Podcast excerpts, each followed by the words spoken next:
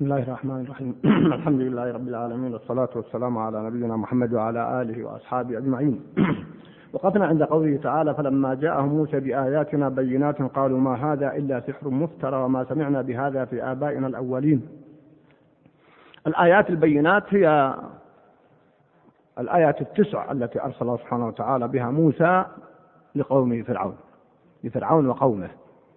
وقد نص الله جل وعلا على أنها تسع كما في سورة الإسراء وكذلك في سورة النمل في تسع آيات.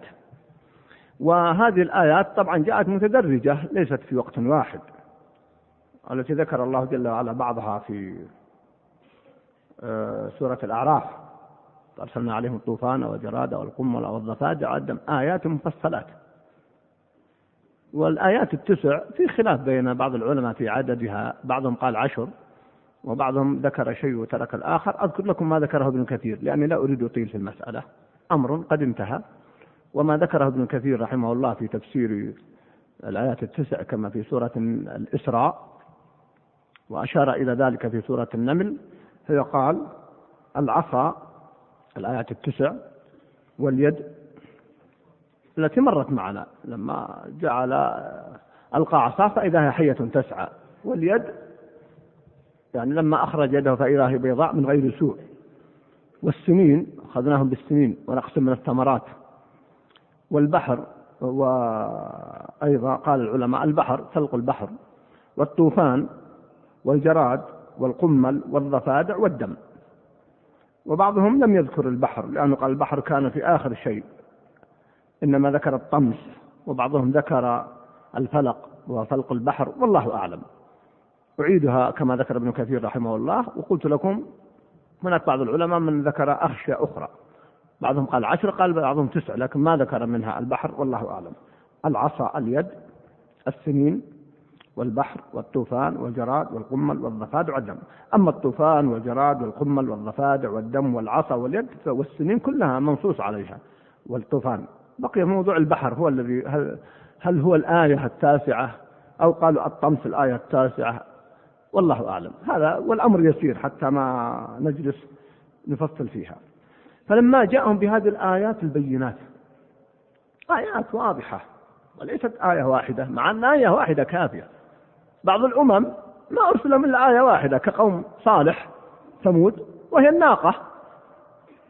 ومع ذلك حدث ما حدث. و وذكر جل وعلا لكل نبي من الأنبياء آية بقي هود عليه السلام هل له آية أو لا؟ إلى الآن في مجال بحث في هذه الآية لكن لا شك أن له آية لكن هل ذكرت أو لم تذكر؟ لأن ما يأتي نبي إلا بآية من الآيات. لكن هل نعلمها أو لا نعلمها؟ هذا المسألة لا أقل ولا أكثر. فلما جاءهم بهذه الآيات البينات تسع آيات. قالوا هذا سحر مبين.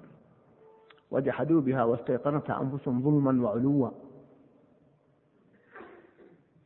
ثم ختمها بقوله قالوا ما هذا إلا سحر مفترى وما سمعنا بهذا في آبائنا الأولين. هذا الكلام وإن اختلفت الألفاظ يتكرر مع محمد صلى الله عليه وسلم ومع كل الأنبياء ومع أتباعهم يقال لهم هذا الأمر. أتواصوا به؟ بل هم قوم طاغون كله يخرج من مشكاة واحدة. سحر هذا من عندك هذا ليس صحيح. وتجد عجائب حتى اليوم تطرح. يقول بعض العلماء مثلا كلمة حق ثم يثور عليه ويقول هذا ليس له أصل لا في الكتاب ولا في السنة. أو هذا لم يقل به علماؤنا مع أنه غير صحيح هذا الكلام. بل له أصل في الكتاب والسنة وقال به العلماء. فهم مثل ما قال الأولون. كلهم قالوا للأنبياء أنه سحر. وإذا قال سبحانه وتعالى أتواصوا به. كلهم يعني اتفقوا عليه مع أن بعضهم لم يلقى بعض وبعضهم يخالف بعض وبعض الأمم اللي قالت للأنبياء هلكت أهلكها الله عن بكرة أبيها. كما أهلك قوم فرعون مثلا أو قوم هود أو قوم صالح. كلهم هلكوا ومع ذلك من يأتي بعدهم يقول سحر. ويقولون شاعر كاهن ساحر. فقال الله جل وعلا أتواصوا به؟ ثم جاءوا بحجة أخرى إذا أعجزتهم الحيلة كما قال العلماء. إيه، ما سمعنا بهذا في آبائنا الأولين. هذه العلة مصيبة الحقيقة وبلية من البلاوع وآمل أن ننتبه أيها الأحبة عندما نتحدث عن بعض ما عليه المشركين ونقول إن له يوجد عند بعض المسلمين. ما نقول معناه أنه مشرك أو أنه جاهلي. النبي صلى الله عليه وسلم عندما قال لأبي ذر رضي الله عنه إنك امرؤ فيك جاهلية لا يعني أنه جاهلي. كلا وحاشا ما أقلت الغبرة وما أظلت الخضراء أصدق لهجة من أبي ذر رضي الله تعالى عنه من فضله ومكانه.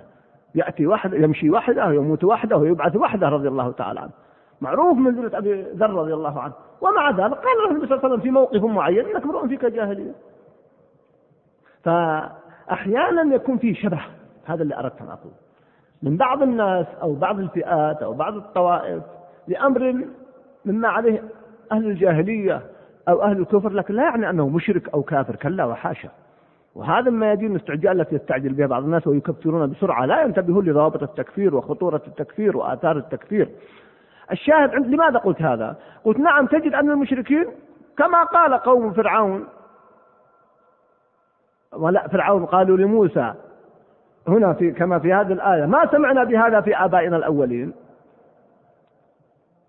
قال النبي صلى الله عليه وسلم إن وجدنا آباءنا على أمة وإنا على آثارهم مهتدون. الآية التي بعدها وما أرسلنا في قرية من نذير إلا قال مترفوها إنا وجدنا آباءنا على أمة وإنا على آثارهم مقتدون. كلهم يقولون هذا الكلام. هنا معناه في مشكلة. معناه في مشكلة نفسية. وقد نواجهها نحن مع بعض الفئات. قد تذهب لبلد. مسلمون. لكن عندهم بدعة. فتريد أن تنكر هذه البدعة. يقول لا إحنا والله وجدنا آباءنا عليها. هم ليسوا مشركين. فالعلة موجودة هي العلة. التي احتج بها المشركون؟ ويحتج بها الناس. فالاحتجاج بالآباء الاحتاج بمقابل الحق لاحظوا.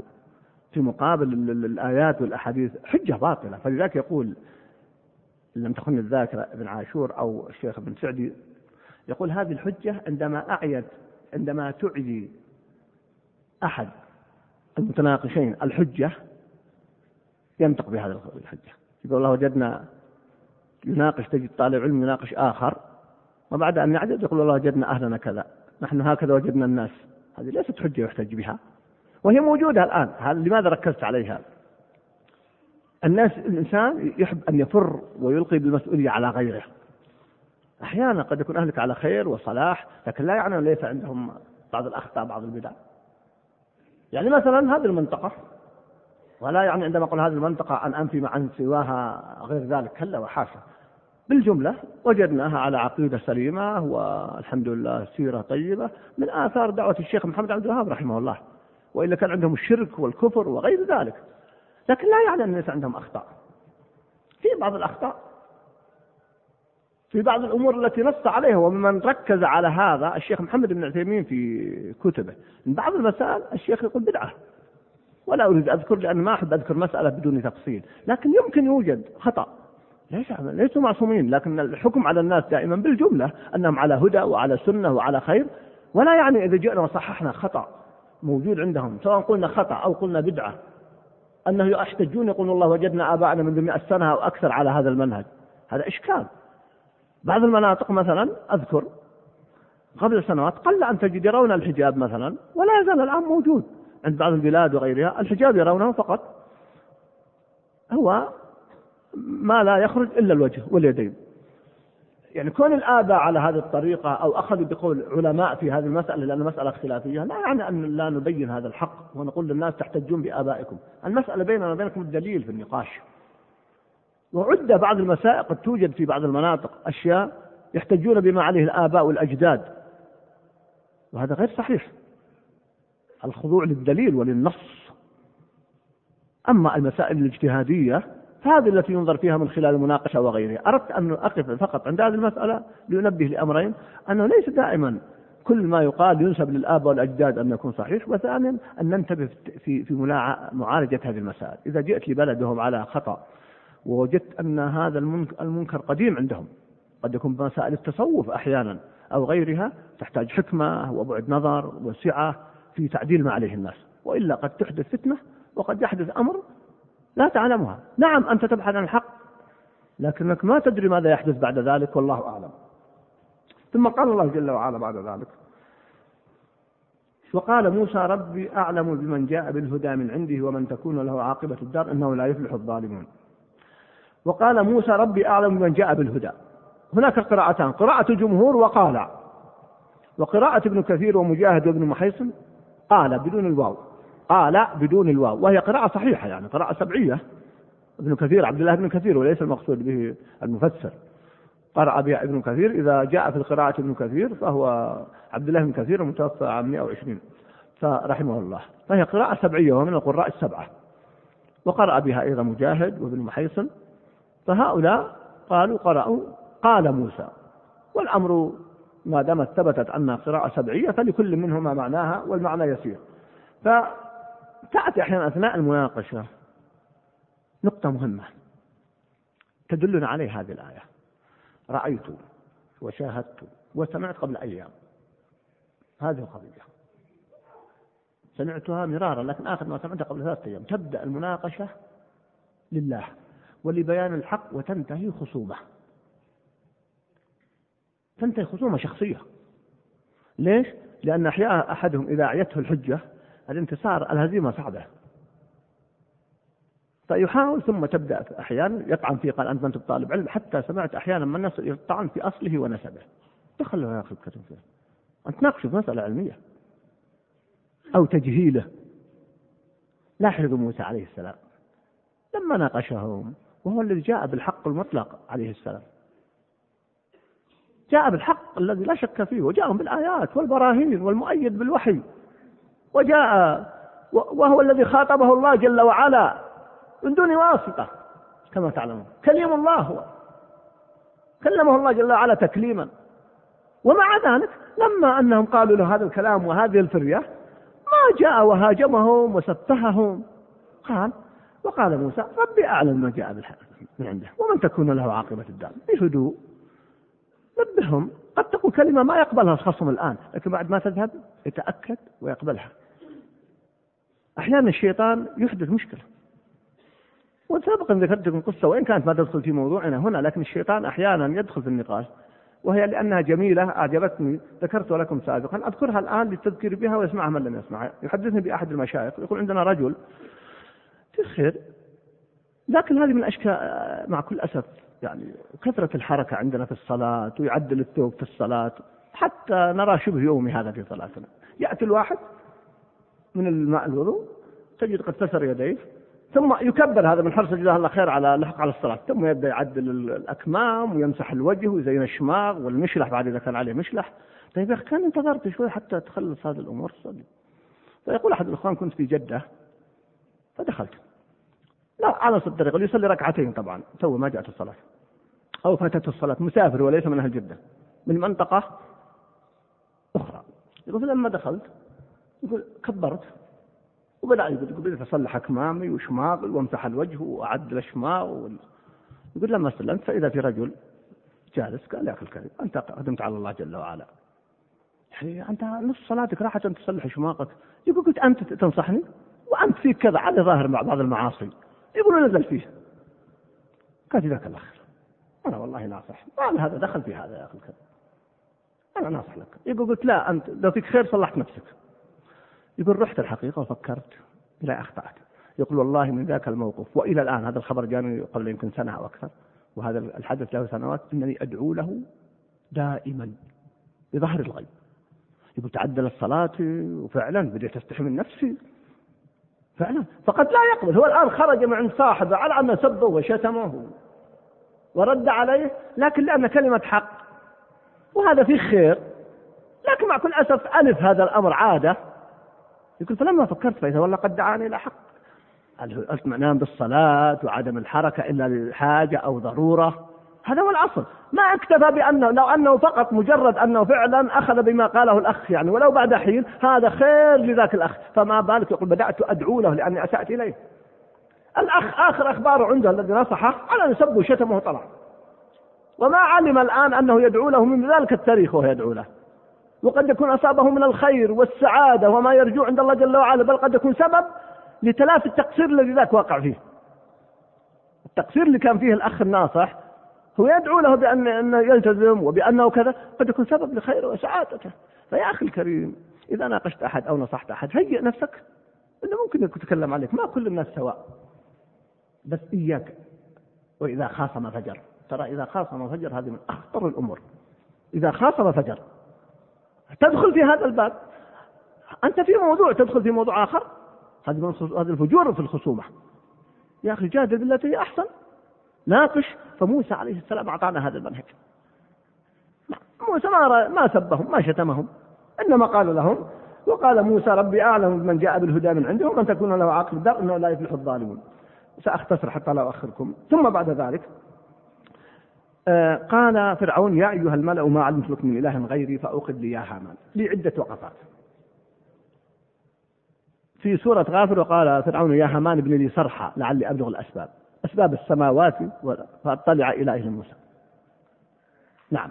والمعنى واحد في سورة غافر وهنا الوقفات التي أقولها. تلاحظون اليوم مركز على قضية من أول الآيات فيما يخصنا نستفيد منه. لأن الحديث عن الآخرين سهل. لكن تعالوا ننقد أنفسنا. موسى فرعون مقرر أنه نسأل الله العافية مكابرة أنه إله. ثم يقول أبحث. هو غير غير جاد في البحث. هو غير جاد في البحث. اسمحوا لي وإلا لو كان صادقا في البحث ما أحتاج يا ابني. ولا يضع أسباب عنده. الآيات الصريحة تسع آيات. نعم. وعنده موسى عليه السلام كلم الله جل وعلا. وهو فرعون يعرف موسى عندما كان عنده في القصر وتربى عنده قصر. وهذه حكمة من الله يعرف سيرته ويعلم أدبه قبل أن يرسل. فما عهد على موسى ما يؤاخذه به. وإني لا أظنه كاذبا. طيب تظن في مقابل الحق؟ الظن هو الشك ما دمت تظن وهو جاءت بالآيات القاطعات. كيف تكون المسألة؟ ما علاقتنا نحن هنا؟ فعلا لفت نظري خاصة في العصور الأخيرة. أفراد ومجموعات يقررون شيء ثم مقررون خلاص انتهوا. يبحثون عن أدلة تصلح لهم. والدليل ما يصلح له حتى لو حديث صحيح دوروا له مخرج يمين ولا شمال. هذا فتنة يا أخوان وبلاء. يكون قد قرروا المسألة الفلانية ويترتب عليها أحكام بل قد تترتب عليها دماء والعياذ بالله. ومع ذلك خلاص. غير قابلين للنقاش. تجد أن بحوثهم انتقائية. وشهدت شيئا من هذا في بعض المناقشات. وهذا لا يدخل الهوى ويدخل الشهوة. وصعوبة النفس أنه يقال له أخطأت خاصة إذا كان منذ فترة على هذا الأمر أو يفتي بهذا الأمر. ليس سهل أن نتراجع عنه. فالخطورة أن يأتي الإنسان ويقرر المسألة ثم يبحث عن الأدلة لها. لا. نعم في قضايا مقررة سلفا. مثال أقول لكم لا يمكن أن يحدث التعارض بين آيات الله جل وعلا في القرآن. هذه قاعدة. فإذا جاءك ما يوهم التعارض فابحث عن مخرج. لأنه من القضايا القطعية أنه لا يمكن مستحيل أن يحدث تعارض بين آيتين. ومستحيل أن يحدث تعارض بين آية وحديث صحيح. لكن يا أخي الكريم قد يكون الحديث صحيح لكنه غير صريح الدلالة. قد يكون ناسخ ومنسوخ كما تعلمون. إلى غير ذلك من الاحتمالات. فنحن القضية القطعية عندنا يقينا أنه لا يمكن يحدث تعارض بين الآيات. ولا بين آية بين آية وحديث صحيح. فكذلك هذه التي نقول نعم مقررة سلفا أن القضايا قطعية وهي الثوابت في ديننا. أن الله واحد سبحانه وتعالى. فقضايا الثوابت كثيرة وبالمناسبة قدمت بحثا في سفري الأسبوع الماضي في مؤتمر في الكويت وسينشر إن شاء الله في موقع المسلم غدا أو بعد غد بعنوان الثوابت والمتغيرات مختصر الحقيقة هو مدخل للثوابت والمتغيرات لأن الشيخ صلاح الصاوي حفظه الله له كتاب في هذا المجال وكتاب جميل. لكن هذا البحث بحدود 23 صفحة إن لم تخن الذاكرة قدمته في المؤتمر وينشر في موقع المسلم من أراده يراجعه. آمل إن شاء الله نهاية الأسبوع يكون انتهى أو يعني نزل هو جاهز بس لإخراجه فنيا. ففي موضوع الثوابت والمتغيرات ضوابط مفهوم الثوابت والمتغيرات. لماذا؟ والثوابت في ثوابت مطلقة مثل وجود الله جل وعلا حقائق إيمانية هذه مطلقة. وفي ثوابت نسبية. ثوابت نسبية. هذه أيضا لا حكم. وفي آخره أشرت إلى أن بعض الناس الآن يأتون يقول فلان تغير. تغيرت الثوابت؟ ما تغيرت الثوابت. من قال لك إن أصلا هذا الموضوع ثوابت؟ هي قد تكون من الوسائل أو قد تكون من الوسائل الاجتهادية فكم صنفنا بعض الناس إنه تغير وهو ما تغير يا أخي الكريم نحن أخطأنا في فهمنا إلى إلى متى أنا رأيت مسألة من المسائل التي تدخل ربما في باب الفضائل يناقشني طالب علم فرجحت القول الآخر قال إلى متى نحن نضيع ثوابتنا؟ بسم الله الرحمن الرحيم من قال كلمة ثوابت؟ وهو موضوع صوت المرأة هل عورة ولا ما عورة؟ يعتبر أن صوت المرأة عورة ثوابت منتهية حاسمة هو. أنه لا يجوز أن يسمعها الرجال. تعال. لا قال سبحانه وتعالى فلا تتكلم. قال فلا تخضعن في القول نعم. لا قال لا تتكلم. والنبي صلى الله عليه وسلم تأتي المرأة وتكلم قدام الصحابة رضي الله عنه. عائشة رضي الله عنها وغيرها تعلم الصحابة. سبحان الله. وهذا معتبرها منتهي أنها من الثوابت يناقشنا على من الثوابت. وقال إلى متى نحن نغير ثوابتنا؟ بسم الله الرحمن الرحيم. اصبر يا أخي الكريم. لا تستعجل. الآن يحكم على بعض الأشخاص إنه غير تغير. غير ثوابته. ما قال كل ثوابت. قد يكون أما الثوابت نعم في ثوابت مطلقة وفي ثوابت نسبية وفي أمور اجتهادية وفي وسائل. هذا أقول لا أطيل فيه. إذا أردت من هذا الجانب مع كل أسف إن هناك من يقرر أمور ثم يذهب يبحث عنها. أختم لأن الوقت قد انتهى بل أطلت عليكم. وهي مسألة هل فرعون بنى بنى أو لم يبني؟ ماذا حدث؟ في إسرائيليات كثيرة. يعني حتى لما قرأت كلام للسدي نقول إنه صعد لما بناه وأطلق سهما. فيبدو أن أصاب طير فسقط الدم. ولما رد الدم قال أنا قتلت ربكم. سبحان الله. هذا كلام وقيل كلام كثير. فأعجبني أحد المفسرين قال نعرض عنها. لا أصل لها. هل هو بناها وما بناه؟ هل هو سقط أو ما سقط؟ واحد يقول له سقط جزء من على جيشه فأثناهم جميعا. لا أثناهم جميعا ما بقي مع أحد يرحم معه وجزء منه سقط في المشرق وجزء سقط في المغرب. أين لكم هذا؟ فلا أطيل فيها. فانتبهوا اقرأوا بحذر مثل هذه المسائل. وأخيرا في فقط في سورة أختم بها ولا أطلت عليكم لأنها مهمة.